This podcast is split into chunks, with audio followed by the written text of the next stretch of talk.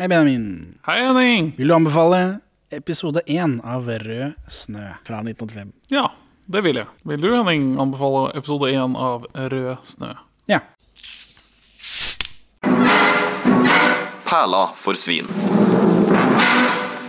Velkommen til Perle for svin, podcasten for deg som i mange år har trodd at det fantes en gammel norsk TV-serie som skulle være bra, som het Rød snø, men så ser du den, og så bare sånn Den er jo ikke norsk. Dette er jo svensk TV.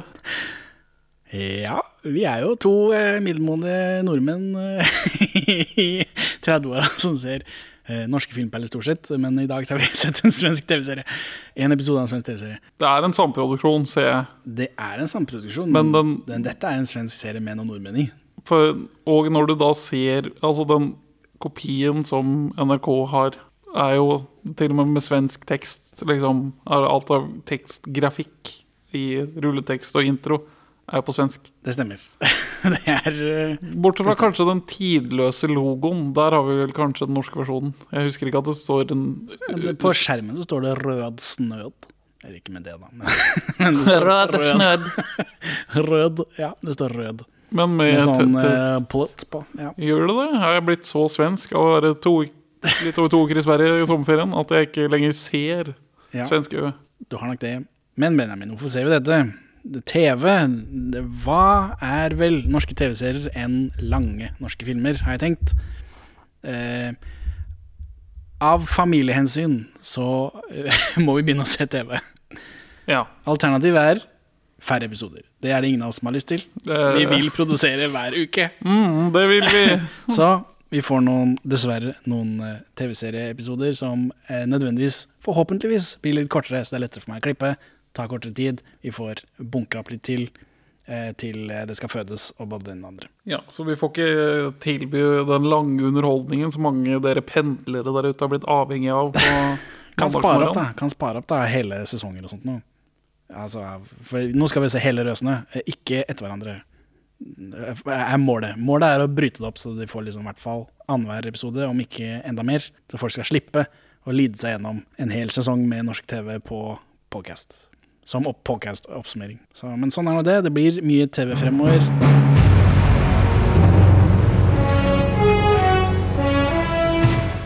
Med disse ord erklærer jeg Perla for svin. åpnet for ordinær drift. Røsene da, Benjamin, det blir jo beskrevet som en svensk serie før den kommer, ser jeg i avisarkivet.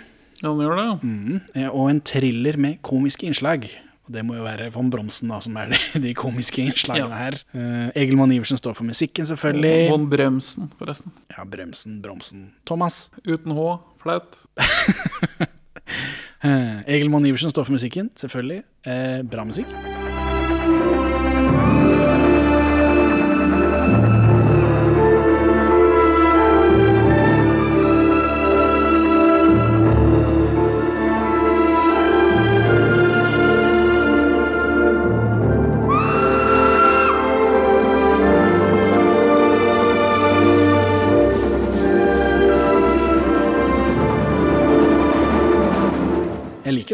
Ja, ja, men her er det Egemon Iversen. selvfølgelig. Hvem ellers?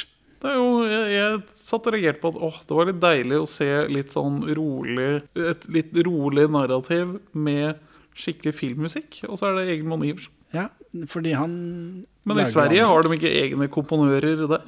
Det er ikke som jeg vet om, men nå følger ikke jeg med på svensk TV. Men eh, der eh, jeg ser Bittemann Iversen er produsent her, en av disse barna han vil vedkjenne seg. Ja. Så, eller jeg tror kanskje han vedkjenner seg de andre også, det bare er en hemmelig familie. Han har ikke lyst til å ha dem i seg og høre, liksom. Nei, men det Så sånn er nå det. Det kom en oppfølgerserie også, etter Rødsnø. for Rødsnø blir jo kjempegodt mottatt. Det antar jeg du vet. Ja, ja, det vet jeg. Men jeg, jeg føler at den har blitt Jeg føler jeg har sett den bli henvist til i pressen og i film- og TV-diskusjon og undervisning. Jeg har vært med på at å ja, det ble en gang laget en bra norsk TV-serie. Ja, men er den, den er svensk. Den er svensk, og min svenske samboerske Hun er sånn der Oi, eh, jeg, har du lyst til å bli med og se TV-serie til, til podkasten? Nei. Jeg sitter på mobilen i sofaen mens du gjør det. Og så halvveis ut i episoden så er hun helt med og bare sånn Jøss, dette var jo bra, jo. Og jeg bare Ja, det er jo fordi dette er en svensk serie. Og bare sånn Ja. Det er jo derfor den er bra. Ja. Derfor den er svensk. Hesten, hva tykker du om den? Förresten, Fin. fint. Han heter Kurt. Han er min beste venn. Eh, I snitt over disse seks episodene så ble programmet sett, da det først gikk, da i 1985, Av ni millioner mennesker. av eh, 61,3% av den norske befolkningen. LOL monopol, tenker jeg. Og så mistenker jeg at det er en slags Max Manus-effekt, at folk som var med på krigen, liksom skal se på det. Ja For da jeg så Max Manus på kino i 2008, så mange gamlinger har jeg aldri sett før. Nei. Samtidig som normale folk, som bare vil se en film hvor folk skyter hverandre. Så det mistenker jeg. Ja, altså Krigen er jo eh, Fersk. så vidt en mannsalder unna på det tidspunktet. For det var 85. 85, ja. 40 år etterpå, liksom. Da serien gikk i reprise i 1996, så toppet publikummet seg med, eh, på femte episode med eh, 978 000. Så fortsatt poppis. Eh, det jo, dette var jo en kjempesuksess. Det ble også laget en oppfølgerserie, Oi, det har jeg ikke fått med meg. 'Marerittet'. eh, Som i motsetning til dette, som er en svensk serie med noen nordmenn i, er en norsk serie med, no, eh, med én svenske i, Von Bremsen. Eh, og den ble dårlig mottatt. Og vi liker jo å se ned på norsk film- og TV-produksjon her i podkasten, så det kan jo hende. Fordi 'Rød snø' er en svensk film med nordmenn i, så, så måtte det gå som det gikk når de skulle lage en, en, en norsk eh, serie da, med svensker i. Men er, men er, men er Von Bremsen eneste skuespiller som er med over, eller hva? Og Kjersti Holmen, da. Ja. Og eh, regi og sånn. Altså Bo Hermansson, som han heter, har regissert den også. Eh, Mar Marerittet ble av sin fremstilling av folk fra Nord-Norge, for den finner sted i Nord-Norge, så ble den av Tromsø-advokat Knut Skjærgård og turistpromotør for Lofoten, Karsten Berg, politianmeldt, truet med politianmeldelse med henvisning til Grunnlovens beskyttelse mot hets overfor folkegrupper. Men altså, hets mot nordlendinger er ekte. Som Folk en fikk- østfolding, så eh, Du føler, du føler et brorskap til nordlendingene her? Er det Jeg det? føler at de kan holde kjeft og holde seg i Finnmark. Ja, ok, for du er sånn Jeg er en eh, forfulgt minoritet. Fuck dere andre forfulgte minoriteter. Kjempebra. Ah, Bo Hermansson, kjenner du det navnet? Eh, han spiller jo i Bo Hermanssons orkester, gjør han ikke? Bo Hermansson, på Wikipedia så står det Bo Hermansson er en svensk regissør, men har jobbet mye i Norge også.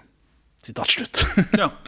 det står litt til også, men uh, ikke noe som jeg gidder ta med her. Vi nordmenn har jo lett for å bli starstruck når det kommer noen med litt ekspertise utenfra. Ref. Tore Ryen. uh, og Bo Hermansson han dukker først opp i Norge som regissør for 'Mannen som ikke kunne le'. Rolf Wesenlund og Harald Heidsten juniors stort sett improviserte komedie fra 1968. Så de er bare drita, Det kan hende. Det er selvfølgelig Egil Mann Iversen som produserer. Selvfølgelig. naturligvis. I mai 1967 så melder Egil Monn Iversen at filmen skal bli Sverre Udnes regidebut, men det blir det altså ikke, for i oktober samme år så er det Bo Hermansson som skal regissere. Ja. Så hva som har skjedd, eh, vet jeg ikke. Men det er iallfall første gang han dukker opp. Og i Norge så står han bak ting som Fleksnes, som er en remake av den britiske serien Hancocks Half Hour. Bo Hermansson. Hæ, Han står bak Fleksnes? Han er eh, regissert og eh, oversatt Fleksnes. Å ja. Så Fleksnes er ikke norsk engang? Nei, nei. Og det er derfor det går på svensk TV? Eh, ja, det kan nok stemme. For Fleksnes er jo kjent i Sverige, slik jeg har forstått. Som en av På folk- Bo Hermanssons svenske Wikipedia-side så er Fleksnes eneste som er lista opp i toppen der, ja. Av de norske. Han er, eh, han er jo oversatt av og regissert Fleksnes, som er en remake av den britiske serien Hancocks, Hancocks Half Hour. Så er han eh, Og så er det Freyson Fabrikk står han bak, som er en eh, remake av den britiske serien The Rag Trade. Jaggu. Og så har han laget Leif Juste-filmen Skraphandlere, som er en remake av den svenske serien Albert og Herbert, som Bo Hermansson også har laget, fordi det er en remake av den britiske serien Steptoe and Son. Han er ikke så veldig kreativ, altså. Bo Hermansson, den originale ideers mann. Eh, Og så har han regissert denne, da. Og Rød, snø er basert på Hallo, hallo. ja. Og oppfølgerserien Mareritt, som nevnt. Dette er jo skrevet av en brite, så han har oversatt det. Ja. Men det er bare ikke, Det er bøker det er bare ikke laget eh, Det er skrevet av en britisk TV-fyr, for, altså for dette, ikke ikke laget for noen andre. Nei. Han har skrevet eh, masse Tony Williamson heter han. Han har skrevet mye TV, sånn, en del spiongreier og sånt nå, i Storbritannia. Altså, Han er jo britisk, og Bo Hermansson eh, stjeler bare britiske ting. Så jeg antar de har møtt hverandre i forbindelse med det, kanskje? Ja, han, er, han drar på sånn turné dessverre til han, han, drar, han drar til en eller annen messe ikke sant, hvor de selger ting, og så tar han det han eh, tror han kan oversette til norsk og lure oss nordmenn med. Eh, Men dette er spekulasjon fra meg, da. Men, Det høres jo riktig ut. så det er vel det viktigste. Hvordan begynner den filmen, holdt jeg på å si? TV-serien. Det er jo Roar Uthaug som er regiassistent her. ja, fordi det er arkivklipp av tyskere som marsjerer i Frankrike. Så er det svensk voiceover, så her burde vi jo ane at dette er en svensk serie. Ja, veldig styltete og rar svensk, men min samboerske sa at dette er sånn det var når historiske dokumentarer gikk på TV. Men så dette er en sånn standard type klassisk voiceover. Veldig gjenkjennelig i svenske øron. Segerglade tyske soldater marsjerer langs försommarvarma landsveier i Frankrike. Frankrike har kapitulert, danskene legger seg på rygg, men nordmennene gir seg først etter harde kamper. Da blir du glad, vel, når du hørte dette? Rakner på den Ja, Vi varte jo lengre enn franskmenn. Jo, men eh, ikke tre måneder engang, vel. Nei, men franskmennene varte i seks uker. Eh, ja, de var vel kanskje litt mer interessert i Frankrike. Satte kanskje inn litt mer styrker, kanskje. Bitte, bitte litt. Eh, Men to og et halvt år etter så slåss tyskerne i Stalingrad. Det er mye fokus på Stalingrad her, Ja, det, i denne åpningen. ja, men det er jo da vendepunktet hvor Tyskland begynner å tape krigen. Ah, men svensken sitter hjemme og drikker brus.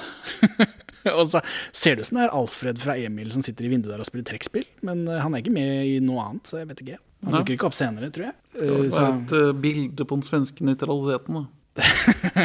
jo, jo, men eh, det var jo veldig så nøytrale de skulle være. Da. De sitter jo og koser seg. Men Sverige er Europas spionsentrum, sier de også. Og vår historie begynner i november 1942 på et tog, så dette er en togpodcast. På vei til et sted i nærheten av norskegrensa. Så er det nydelig musikk da, Egelmann Iversen, mens Kjersti Holmen sitter på toget og ser lengselsfullt ut av vinduet. Og så kommer det en hashtag fyr. Ja, hashtag metoo, uh, hashtag VV. Det kommer en, en fyr i uniform som setter seg i kupeen hennes. Uh, Han drikker det, han er litt sånn full, og så snakker han om været. Uh, Og så snakker han om uskyldig hvit snø. Det er serien heter Røs nå. Det er jo, han vil hashtag bare snakke litt. Jeg bare snakke litt. unnskyld at jeg tafset på deg. La meg tafse litt på deg igjen mens jeg beklager at jeg tafser litt på deg. Ja, Han heter Åke, da. Det er mange dårlige svenske navn. Ja, men det, I verden.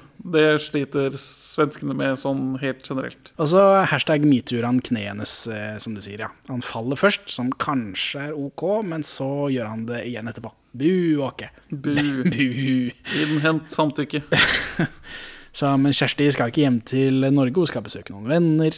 Eh, og så kommer det en sånn brå vending når svensken plutselig sier navnet hennes, Anne. Og dette skjer ved gjennom mellomrom i filmer og TV-serier og sånt noe, og aldri bra, men her var det bra. Ja, dette funka. Dette, dette var godt oppbygd og kom snikende på. Ja, han er full, så det hjelper sikkert på liksom måten å gjøre det på. Det er, Det er et brått stemningsskifte som kommer Det er, det er godt fortalt. jo, men det er en samtale, vi er to fremmede, og i løpet av den samtalen på eh, to og et halvt minutt, så sier jeg navnet ditt. Det er, jeg, vi har kjent hverandre i årevis. Jeg sier aldri navnet ditt, annet enn i hver eneste podcast-episode. Men når sånn på privaten jeg, Det er ingen jeg kjenner som jeg bruker navnet på. Finn på en samtale, da skal jeg prøve å snike inn navnet til det. Det er kjempeunaturlig og rart. Uh, Se på den uh, LP-plata her jeg har kjøpt. Det er Tore Ryens uh, 'Har du lyst, tar du lov'. Ser, den passer bra i tannbergen, gjør det ikke det, Benjamin? Ja, typisk deg, Henning, å si noe sånt. Ja, Benjamin, denne tannbergraden din ser litt sånn Den trenger en puss. Ja, Henning, du skjønner ikke hvor, hvor Patine. Det har aldri vært i din forte. Ja, så det høres rart ut. Eh, Men her så funker det. det. Jeg tror ikke jeg har hørt det funke noe sted før.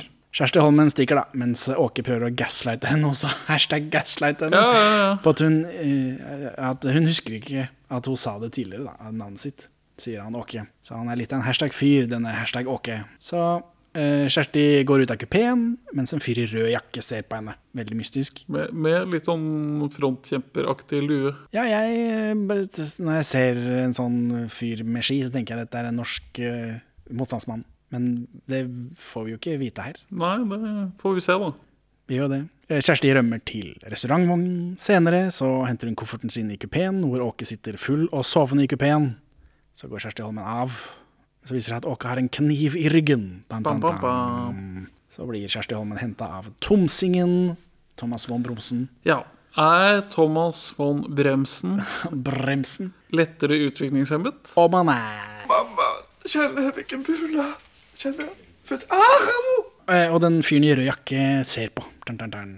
Og så er det noen som oppdager liket av Åke, eh, og så drar han i rød jakke, antar jeg. Vi får ikke se det. Han erklærte, øh, Åke erklærte vel at han var på vei hjem fra perm i Göteborg tilbake til frontlinjen mot Norge. Grensevakt for å bevare den svenske nøytraliteten. Ja. Og så er det mye ståhei da rundt dette eh, toget. Men eh, Kjersti Holmen drar uten å få vite det. Ja, hun kommer seg av sted. Eh, Så von Bramsen og Kjersti Holmen rir av gårde. Hesten heter Kurt. Det er von Bramsens beste venn. Dette er jo Bremsen. Bramsen.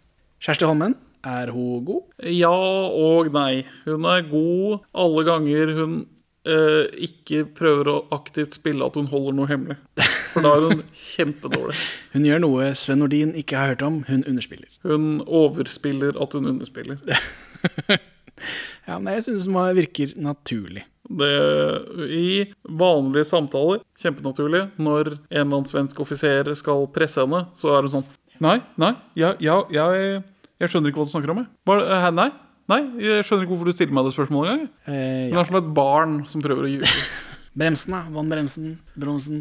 Han er litt Han er litt svensk. Han, det er ikke noe å ta på en svensk. Nei, det er sant. Han er litt hard på å være tomsing, men han får det til for det meste. Han i rød jakke går på ski. Og så er det mora til Bronsen. Hun driver pensjonat. Og der bor det en pastor, og Hellstrøm bor der. Det er så jævla typisk norsk å reise rundt i Italia. Det eneste du er interessert i, det er å spørre om prisen. ikke kokken, en annen fyr. Og så er det snakk om spioner overalt. Så de liksom setter opp det, da. Eh, og så følger mora eh, Kjersti Holmen opp, og så snakker de om en Lars som er, med, som er igjen i Norge. Uvisst hvem. Og når Kjersti Holmen er alene, så ser hun ut av vinduet på pur unge Sven Nordin som går inn i stallen. Syns hun ser noe din uh, utseendemessig her? Han er jo, han er jo en snack. For han slo gjennom med denne og Ja. ble et sexsymbol over natta, tror jeg. Eh, jeg mener, og har hørt noen rykter om at den strikkagenseren var noe. Ja. En gang iblant så er det noen som har strikkagenser, og så slår det veldig an i befolkningen. Jeg mener jeg har hørt at det skjedde med denne genseren. Så da er sikkert han på innsida også av genseren. For han er jo, han er jo veldig kjekk. Han er veldig blond. Jeg har alltid hatt i hodet at han er rødhåra, men det er kanskje bare Kjell Bjarne. Ja, Et stykke fra Kjell Bjarne til dette. det, det er litt vei å gå. Men samtidig, Kjell Bjarne er jo Kjell Bjarne tror jeg på. Dette her er helt forferdelig å høre på når han åpner kjeften. Og jeg syns det fungerer helt greit, det. Jeg skuespiller til bakerste rad og har aldri sett et kamera før. Ja. Jeg syns det var helt forferdelig, faktisk. Men vi får ikke høre han prate ennå, heldigvis. I stallen så driver von Bremsen Bromsen? Bremsen. Bremsen. Driver von Bremsen og tomsingprater med hesten sin, så han ser ikke Sven Nordin som kommer inn. Eh, og så skvetter han, da, eh, for Sven står bare der og glaner. Og da blir Bremsen nervøs Ja. og roter det til. Dette er, noe, dette er komiske innsnitt i thrillerserie. Eh, det er mye ubrukelig tomprat, egentlig, i dette. ja, men vi, Med han, da. Akkurat nå. men vi, vi begynner jo allerede nå å bli litt sånn usikre på hvem Sven Nordin er, og hva hans motivasjon er. Og Ja, ja, ja. Men det, er, her er det masse prat om at eh, von Bremsen lærte å stå på Kjersti Holme stå på ski, bla, bla, bla. Masse greier. Bare piss. Helt til de ser ut av vinduet hvor han i den røde jakka står på ski. Da blir vi Å, mysteriet. Spennende. ba, ba, ba. Så er det en bedre middag, som er veldig viktig, fordi Kjersti Holmen skulle komme på besøk for denne mora da. Sven Nordin er visst også gjest på pensjonatet. Det kom litt ut av det blå for meg. Han, plutselig så var han bare i stallen der sånn, og så Mora introduserer de folka som bor på pensjonatet, og så er det en til der som hun ikke introduserer. Rart. Ja, for Sven Nordin er i asyl, men er ikke internert. Eller hva, hvordan blir det? Jeg vet ikke, han bare er her i denne episoden her. Skal vi late som ikke vi har sett de andre? Vi har sett to episoder, Ja. og enn så lenge, jeg aner ikke. Vet ikke, Det virker som han bare bor på pensjonat. At han har rømt fra Gestapo. ja, det er det vi sitter og tror, er det ikke det? Jo, etter to episoder, så. Men så ser han jo mm, ut som Hitlers ideal-ariske Han er jo det ariske idol. Ja, det er vel enhver motstandsmann. Motstandsmannen skal kunne gli rett inn i en sånn uh, solkorsplakat. Ja. Nasjonal samling-plakat. Pastoren vil snakke om krig rundt dette bordet. Eh, Sven Nordin er stiv og unaturlig, har jeg skrevet. Ja, akkurat i denne scenen kjøper han kjempebra. Altså som litt mer ivrig nasjonalist enn deg. Eh, ja, men, eh, men det er kleint for nordmenn å spille mot svensker også. Vi er jo Vi stiller så dårlig, på en måte. Ja, Jeg syns han gjør det tålelig greit. Men altså, når Sven Nordin klikker på han svensken sitter og prater om nøytralitet, altså det, det kjøper jeg. Den måten han øker i aggresjon på, det er akkurat det samme jeg hadde gjort i den situasjonen.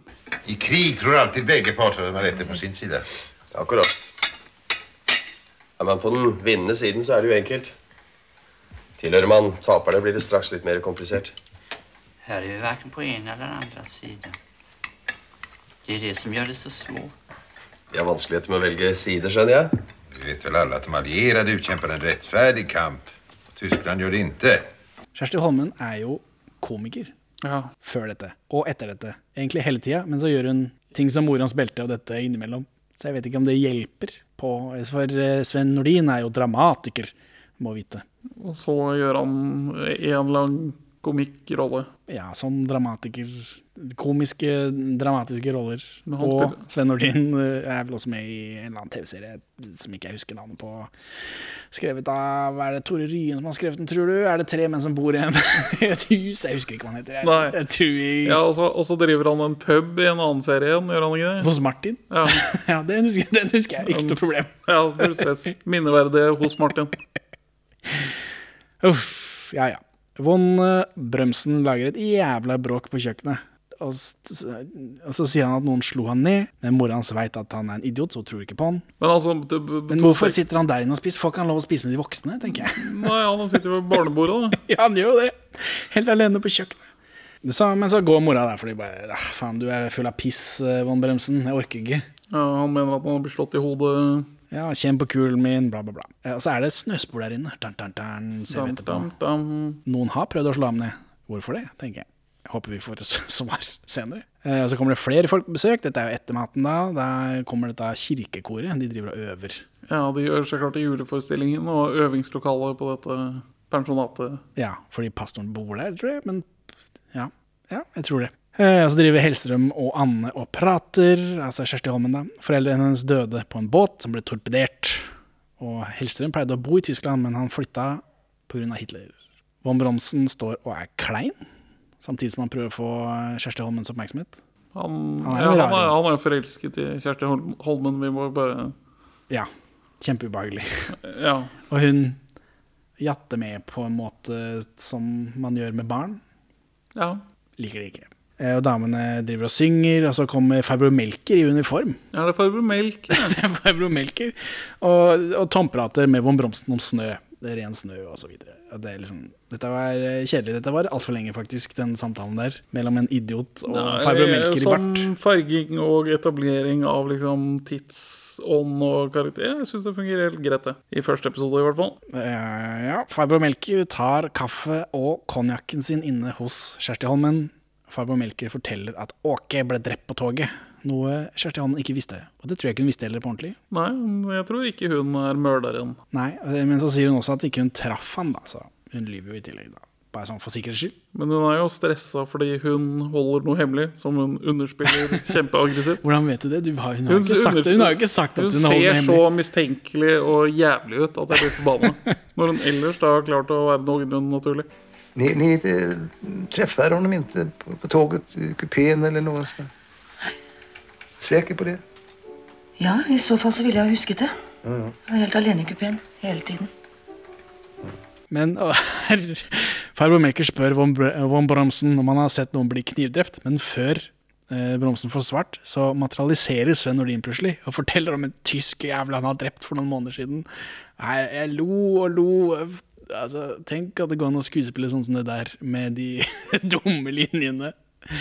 Ah. Ja, en tysker jeg ville stakk det for noen måneder siden. Det stakk en rett i ryggen. Det er sånn. det plager meg ikke i det hele tatt. Har du noensinne sett en menneske med en kniv i ryggen? Nei, det var vel et tag. Ja, ja, Andersson. På nær tolv. Det er et par måneder siden en tysk vaktpost. Stakk en kniv mellom skulderbladene hans. Tyskerjævelen, han døde med en gang. Ah, nei, det, det var rart. Sven Nordin som beinhard morder hadde ikke det på eh, 2022-bingokortet mitt, for å si det sånn. Eller 1985-bingokortet ditt. Nei, ikke det heller. Han har veldig tight kropp, da, skrevet, så det veier vel opp. Sven Nordin blir forbanna på Farbro Melkers nøytralitet ja, og roper og slår i bordet. Da fikk du eh, Blue Ja, dette, dette kjøper jeg 100% Jeg øh, tror på Sven Nordin som litt stiv idealist. Selv om jeg aner ugler i måsen. Det er vanskelig å si. Farbror Melker sier at Kjersti Holmen er for søt til å bli innblandet i dette. Jeg sier bu, Farbror Melker. Kvinner kan også rote med krig. Ja. Så, og Von Bronsen tomser seg til, da, mens uh, mora hans maser på han om husarbeid. Og jeg, her får jeg litt sånn uh, at jeg er glad jeg ikke er tenåring lenger. Får litt sånn flashback. Her, du får flashback til måten uh... jeg får flashback til å, få, til å bli kjefta på av en eldre dame for at jeg må gjøre ting. Ja. Fy faen! Men han eh, Bremsen, da, Bronsen, går ut i stallen Bremsen. Han går ut dit, da. Han fyren går ut eh, til stallen til hesten Kurt. eh, og der sitter denne røde jakkemannen. Anorakk, tror jeg det er sånn rent teknisk sett. han er død, i hvert fall. Her får de ikke sitte, sier han. Og så sitter han der allikevel. Og så faller han. Ja, for han døtter borti den, og så detter han. Og da Von Bronsen løper ut i panikk. Men mora hans avfeier han som en jævla idiot, for det er det han er. Det blir vel med ut. Til slutt, ja. Og da er han borte. Bam, bam, bam. Altså like, ikke noen andre. Mannen i den røde jakken var bokstavelig talt en red herring. Eller han kan jo fortsatt ha drept Åke i togvogna, men nå har han ryddet av veien. Han er iallfall borte. Han er ikke hovedmørderen. Von Brømsen prøver å få hesten til å forklare, men Kurt er en hest, så han hjelper ikke til. Drittsekken. ja, og da går mora si meg, og så virker Von Bronsen å tro selv at kanskje det ikke var noe. Så setter han hånda si i noe blod. Hvorfor henter han ikke mora og viser frem det med en gang da? Hvorfor viste ikke uh, Von Brømsen sin mor dette tråkkesporet på kjøkkenet? Tråkkesporet på kjøkkenet var jo snø, så det har sikkert smelta. ikke sant? Inn og kommer inn igjen. Men jeg vet ikke, kanskje han føler han har brukt opp kvota si på idiotting. føler seg ikke sett og hørt av sin mor. Nei, det er sikkert ikke Hvordan- første gang Han, Det virker jo ikke som det er første gang han finner på noe dritt. Nei. Jeg vet ikke, er det mange, Kanskje han har opplevd flere lik som blir borte, og mord og sånt nå, mens han har Det er mora som er morderen. Han er bare, det er bare hverdagsliv for han at mora later som om det ikke har vært en Etter lik pensjonatet. Mye folk som forsvinner på pensjonatet. Veldig rart. Så ligger Kjersti Holmen i senga, og det ser ut som hun mimrer om radiosendinger fra London, men så sitter Sven Nordin og hører på også, så da tror jeg det skjer mens vi eh, er der. Ja, det, det tror jeg òg. Fikk du følelsen av det også, at hun tenker tilbake på radiosendinger fra London? Jeg satt og tenkte på at hun hørte på radio. Hun drev med det under krigen. Syns det var rart. Filma Og så er det noe med at man ikke skal yte motstand eller noe. Hva er dette for noe en radiosending, du som sikkert har satt deg inn i det? Eh, nei, at de allierte, eller britene sin approach til Norge etter hvert var at man ikke skulle gjøre motstand før man hadde noen ordentlig plan for å unngå unødige tyske represalier. Så motstanden var vel begrenset Eller det britene ønsket, var å få informasjon om tyske ting ut fra det okkuperte Norge og det okkuperte Frankrike, mens for store Altså å drepe tyskere og sprenge installasjoner og sånt, det førte til en høy kostnad for sivilbefolkningen uten noe særlig lønn for strevet. Og det var lenge Altså frem til typ 1944 så var liksom det London ønsket, var at man ikke skulle finne på for mye dritt. Som er da grunnen til at eh, Asbjørn Sunde, helten og hedersmannen, er eh, blant de få som driver med aktiv væpnet motstand i perioden 1941 til 1944. Mens Milorg er forholdsvis inaktivt. Så er det disse, eh, litt, disse motstandsgruppene tilknyttet Moskva. De er han. Fucke med de tyskerne her. Oh yeah! Ja ja, men da også er episoden slutt. Så hvorfor vil du anbefale første episode av Rød snø Nei, fra jeg- jeg- 1985? Jeg er uh, dratt inn i denne krigsverden. Det er ganske enkelt for meg. Og det er Du identifiserer jo veldig med alle her. bra laget, og jeg vil vite hvor mysteriet går, og historien. Selv om Kjersti Holmen er kjemperæva til å underspille. Sven Nordin er flink til å spille overspillet. Så Henning, hvorfor vil du anbefale denne episoden? Jeg vil se hvor det går. Det er det man eh, har en første episode av en TV-serie Egentlig alle eh, Alle episoder av en TV-serie eh, å gjøre. Jeg vil se hvor det går. Se hva som skjer. Sven Nordin plager meg. Jeg er mer plaget av Kjersti Holmen. Sven Nordin kjøper jeg som stiv, ung idealist. Overraskende naturlig, Kjersti. Ha det bra, Benjamin. Farvel, Henning. Takk for at du hører på Perler for svin. Du finner oss først og fremst på perleforsvin.no, men også på Twitter under perler-for-svin, Facebook som perleforsvinpod, eller du kan maile oss på perleforsvinpod at gmail.com. Gi oss gjerne en eh, rating i din lokale podcast-avspiller, og, og legg igjen en beskrivelse, så folk skjønner hva det er for noe tull vi egentlig driver med. Her er ukas Pål Bang-Hansen-sitat ute av kontekst. Walter Hill, som høstet herostratisk berømmelse i Skandinavia for voldsscenene i filmen Nattens krigere,